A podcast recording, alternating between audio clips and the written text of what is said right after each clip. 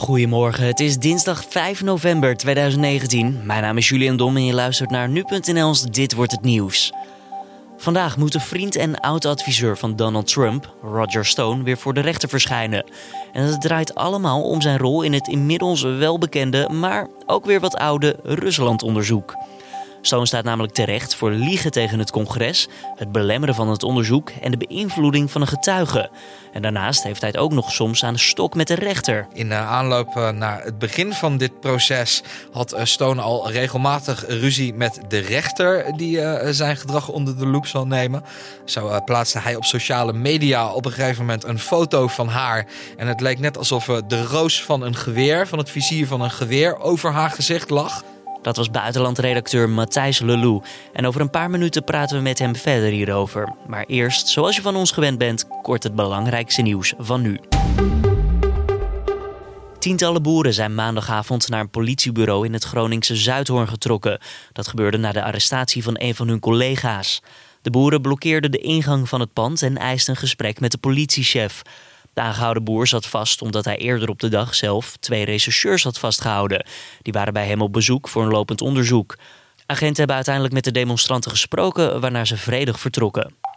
Iran zegt 60 nieuwe nucleaire centrifuges in gebruik te hebben genomen voor de verrijking van uranium. Met de nieuwe apparatuur overtreedt het land de afspraken van het atoomakkoord dat in 2015 werd gesloten. Iran zegt de centrifuges enkel te gebruiken voor het opwekken van stroom. De Verenigde Staten, dat zich heeft teruggetrokken uit het akkoord, zet daar ernstige vraagtekens bij. Het aantal miljardairs in Nederland blijft stijgen. Volgens de Quote 500, dat is de jaarlijkse lijst met de rijkste van ons land, gaat het inmiddels om 37 personen. Bovenaan de lijst staat nog altijd Charlene de Carvalho Heineken met een geschat vermogen van ruim 14 miljard euro. Zoals de naam al doet vermoeden, is hij bekend van het gelijknamige biermerk. De hoogste nieuwe binnenkomer is Raymond Vos. Hij is topman bij de Tsjechische projectontwikkelaar CTP. En zijn vermogen van anderhalf miljard euro is goed voor de negentiende plek. De VS is maandag gestart met het traject voor uittreding van het klimaatakkoord van Parijs. Het proces duurt een jaar en moet rond zijn één dag na de presidentsverkiezingen van 2020. De VS zou dan volgend jaar 4 november het enigste land ter wereld zijn dat niet meedoet aan de overeenkomst. In het akkoord van Parijs is afgesproken dat de gemiddelde temperatuur niet meer mag stijgen dan 2 graden ten opzichte van het pre-industriële tijdperk. En dan gaan we naar ons gesprek van deze dinsdag. Het zijn roerige tijden in de Verenigde Staten. Alles draait momenteel om het onderzoek of het afzetten van president Donald Trump een kans van slagen zou hebben. En de aanleiding daarvoor is de Oekraïne-affaire. Door al die heisa kan het misschien zijn dat je het Rusland-onderzoek enigszins uit het oog bent verloren. Nou, eerder dit jaar werd het rapport gepresenteerd en sindsdien was het behoorlijk stil. Tot vandaag. Want de oud-adviseur van Trump, Roger Stone, die moet voor de rechter verschijnen om zijn rol in dit onderzoek. Collega Carné van der Brink vroeg aan buitenlandredacteur Matthijs Lelou wat er dan nu weer gaande is in het Ruslandonderzoek met Roger Stone. Ja, dat, uh, de Muller die kwam natuurlijk eh, eerder dit jaar met zijn eh, rapport in de lente. En uh, dat rapport, daar is verder uiteindelijk niet zo heel veel meer mee gebeurd. Uh, zoals je je misschien zult herinneren, heeft uh, Muller twee dingen onderzocht. Ten eerste Russische inmenging in de Amerikaanse verkiezingen. Ja, dat sloot zijn conclusie, die sloot aan bij die van de Amerikaanse inlichtingendiensten. Dat de Russen inderdaad hebben geprobeerd om de Amerikaanse politiek te beïnvloeden. En dan had je nog deel 2. En dat ging meer over president Donald Trump en zijn rol in het geheel. En mogelijke gevallen van beleid belemmering van de rechtsgang door uh, president Trump. Bijvoorbeeld uh, bij het ontslag van uh, FBI-directeur James Comey. Muller die uh, verzamelde een aantal uh, gevallen van mogelijke belemmering in zijn rapport. Maar omdat het Amerikaanse ministerie van Justitie de richtlijn hanteert dat een zittende president niet voor een misdrijf kan worden vervolgd, legde Muller vervolgens de bal bij het Amerikaanse congres neer. En die zei: Kijk, als hier verder iets mee moet gebeuren, dan moet dat politiek worden opgepakt. Dat is er uiteindelijk niet van gekomen. En nu hebben de Democraten met de Oekraïne-affaire een, een wat concreter geval van uh, mogelijke misstappen door de president in handen. Dus daar richten ze zich eigenlijk voornamelijk op. Maar dat betekent nog niet dat alle staartjes van het Rusland-onderzoek zijn afgerond. En een van die staartjes is de rechtszaak tegen uh, Trump-adviseur Roger Stone. Het draait dus vandaag allemaal om Roger Stone, je zei het al. dat schijnt wel een character te zijn, maar kan jij uitleggen waarom precies? Ja, het is een uh, flamboyante kerel. Hij uh, staat ten eerste bekend als een zeer scherp geklede man in Washington. Maar waar zijn reputatie vooral op berust is zijn... hij is een, een, politieke lobbyist die al heel lang voor de Republikeinse Partij werkt. hij begon zijn carrière als medewerker van het Witte Huis onder president Richard Nixon in de jaren 70. eind jaren 60 moet ik zelfs zeggen. En Roger Stone die heeft zelfs een, een tatoeage van eh, Richard Nixon op zijn rug staan. Nou, eh, Stone die ontwikkelde zich uh, sinds dat begin van zijn carrière als een gewiekste politieke lobbyist. Die eigenlijk niks, geen enkele tactiek schuwt. Zijn persoonlijke motto's zijn aanvallen, aanvallen, aanvallen, nooit verdedigen. En het tweede motto is geef niks toe, ontken alles, lanceer tegenaanval. Nou ja, eigenlijk dat, op, op, op dat pad heeft hij zijn carrière ingericht. Hij uh, was onder meer uh, actief binnen de presidentscampagne van een andere republikeinse president, Ronald Reagan. Uh, hij begon daarna een invloedrijk politiek consultancybureau in Washington. En dat bureau dat schuwde ook klanten zoals de Congolese dictator Mobutu Sese Seko en de Filipijnse dictator Ferdinand Marcos niet. En daarnaast vertegenwoordigden ze ook de nogal rechtse krantenmagnaat Rupert Murdoch, de tabaksindustrie en vanaf begin jaren 80 Donald Trump. Ja, het is inderdaad een man met een uh, bijzonder verleden, maar nu nog steeds actief is. Uh, je zei Trump, uh, daar had hij best wel een actieve band mee. Hè? Zeker. Stone die beweert zelf dat hij zelfs degene was die het het idee om president te worden voor het eerst in het hoofd van Donald Trump planten. Uh, die twee die zijn, ja goed, sinds begin jaren tachtig kennen ze elkaar, zijn het vrienden van elkaar. En Stone die had ook een rol als soort van ja, een, een, een adviseur tijdens de presidentscampagne van Trump in 2016. En op de dingen die hij in die hoedanigheid heeft gedaan, nou goed, daar gaat die rechtszaak over. Maar wat heeft Stone dan te maken met het Rusland-onderzoek? Hij wordt beschuldigd van uh, een aantal misdrijven: liegen tegen het congres, belemmering van de rechtsgang en intimidatie van een getuige. Nou, wat uh, heeft hij volgens de aanklagers gedaan? Uh, Stone die zou hebben gediend als tussenpersoon tussen de presidentscampagne van Donald Trump en WikiLeaks. Die klokkenluidersorganisatie die lekte op een gegeven moment e-mails die door Russische hackers waren gestolen van de Democratische Partij. En uh, Roger Stone die zou uh, uit naam van de Trump-campagne het contact met WikiLeaks hebben onderhouden via andere tussenpersonen. Om uh, zo eens te kijken van ja, wat heeft WikiLeaks eigenlijk in handen? Hoe kan dit Trump voordeel opleveren? Hoe kan dit de Democraten en dan vooral de democratische presidentskandidaat Hillary Clinton, hoe kan dit haar schaden? nou ja, en, en, en in die rol zou zou hij uh, het niet al te nauw hebben genomen met de wet. En als je kijkt naar de zaak en de beschuldigingen die er nu zijn, uh, zijn ze alleen uh, schadelijk voor Stone of ook voor Trump? Het kan schadelijk zijn voor Trump. Kijk, als je die, die Wikileaks kwestie neemt, dan is eigenlijk de belangrijkste vraag: wat wist Donald Trump? Heeft hij Roger Stone direct opdracht gegeven om uh, te kijken van, nou ja, die uh, Julian Assange van WikiLeaks, wat is die nou aan het uitspoken?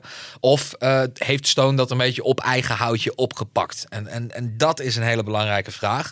Mocht nou blijken dat Trump zei van, nou, die gestolen e-mails van de Democraten, die moeten wij in handen krijgen. Roger, kun jij dat even gaan regelen? Nou ja, dan heeft de president natuurlijk een directe betrokkenheid bij iets wat juridisch gezien niet helemaal in de haak is. Uh, het is echt nog even afwachten wat er uit dit proces uh, gaat komen. Het belooft een uh, spectaculaire rechtszaak te worden. In de aanloop naar het begin van dit proces had Stone al regelmatig ruzie met de rechter die zijn gedrag onder de loep zal nemen. Zo plaatste hij op sociale media op een gegeven moment een foto van haar. En het leek net alsof de roos van een geweer, van het vizier van een geweer, over haar gezicht lag. Nou, dat vond de rechter zelf niet heel erg amusant. Toen zei ze tegen dat hij niet meer over zijn eigen zaak mocht posten op sociale media.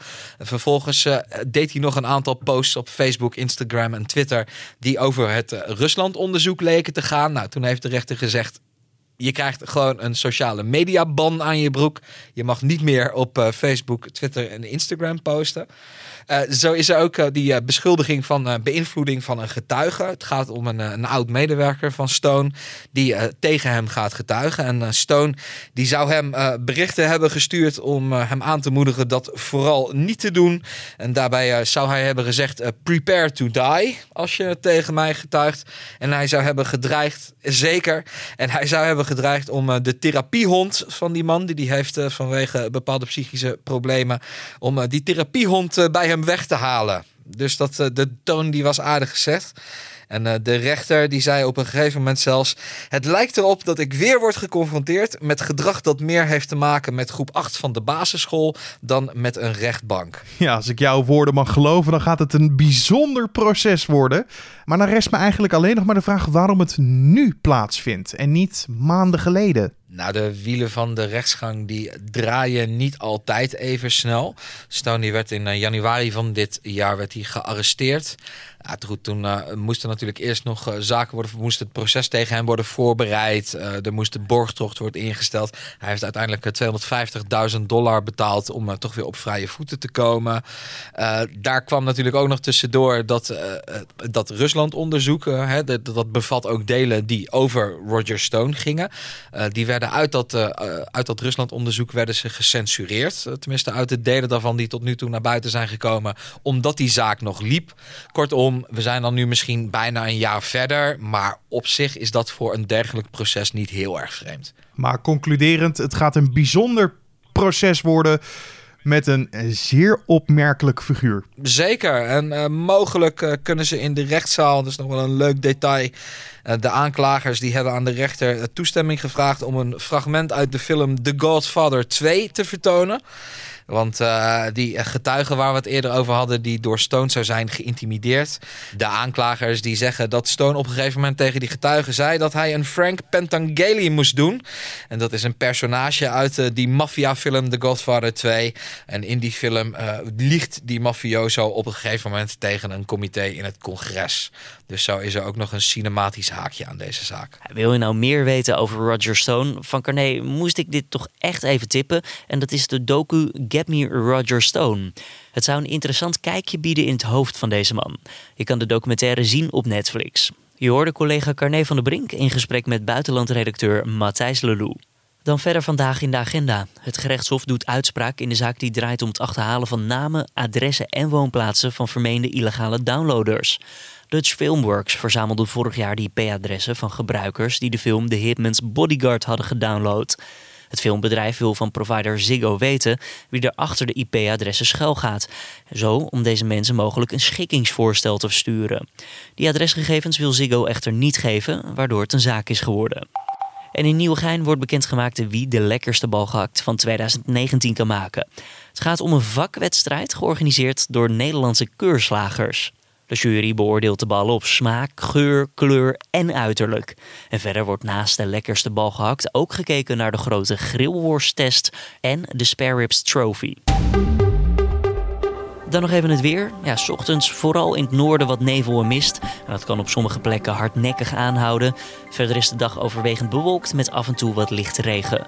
Later op de dag gaat harder waaien en trekt er vanuit het noorden regen over het land. Het wordt zo'n 10 graden. Het is zo'n twee weken geleden dat Ajax tegen Chelsea verloor. Maar vanavond hebben de Amsterdammers de kans om zich te revancheren in Londen. Beide ploegen hebben zes punten en kunnen bij winst een grote stap zetten richting de volgende ronde. Nu sportverslaggever Riepke Bakker blikt voor ons alvast vooruit op de wedstrijd. Als Ajax vanavond wint van Chelsea, dan komen ze op 9 punten uit 4 wedstrijden. Dan pakken ze de leiding in de groep en zijn ze heel dichtbij Europese overwintering in de Champions League. Vraag is natuurlijk wel een beetje, ja, hoe realistisch is het dat Ajax wint van Chelsea, een topclub uit de Premier League? Zeker nadat er twee weken geleden in de arena nog met 1-0 werd verloren van Chelsea. Nou ja, één positief punt. Ajax speelt vanavond in Londen. Ajax speelt uit. En het klinkt gek, maar dat is een voordeel voor Ajax. Want het Ajax van trainer Erik ten Hag, dit Ajax, presteert Europees beter in uitwedstrijden dan in thuiswedstrijden tot nu toe 12 Europese uitwedstrijden van Ajax onder ten Hag. En exact 0 keer werd er verloren. Dat geeft vertrouwen.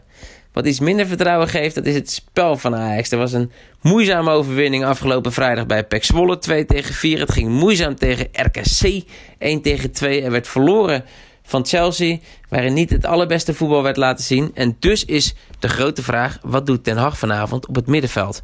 Normaal gesproken in Europa kiest hij voor twee centrale verdedigers op het middenveld. Martinez, een Argentijn, en Alvarez, een Mexicaan. Dat, dat geeft een hoop zekerheid, maar het komt het spel van Ajax meestal niet ten goede. Je mist een beetje die sprankeling van vorig jaar. En dus is de kans aanwezig dat vanavond Hakim Ziyech of Quincy Promes, eigenlijk aanvallers, op het middenveld staan bij Ajax. Om een beetje ja, de magie terug te krijgen van vorig jaar. De magie waardoor Ajax won bij Real Madrid. Waardoor Ajax won bij Juventus. Het zal ook wel nodig zijn, want Chelsea heeft een goede ploeg. Verloor nog nooit van een Nederlandse club. Laat maar een keertje tijd worden. Vanavond om 9 uur op Stamford Bridge. Chelsea tegen Ajax. Dankjewel Riepke Bakker, sportverslaggever bij nu.nl. En dit was dan de Dit Wordt Het Nieuws podcast van deze dinsdag de 5e van november. Heb je tips of feedback voor ons? Dan kun je dat laten weten via podcast.nu.nl. Verder mag je natuurlijk ook altijd een recensie voor ons achterlaten. Dat kan in je eigen favoriete podcast app of op iTunes. Dan sluit ik af voor vandaag. Mijn naam is Julian Dom en ik zou willen zeggen tot morgen weer.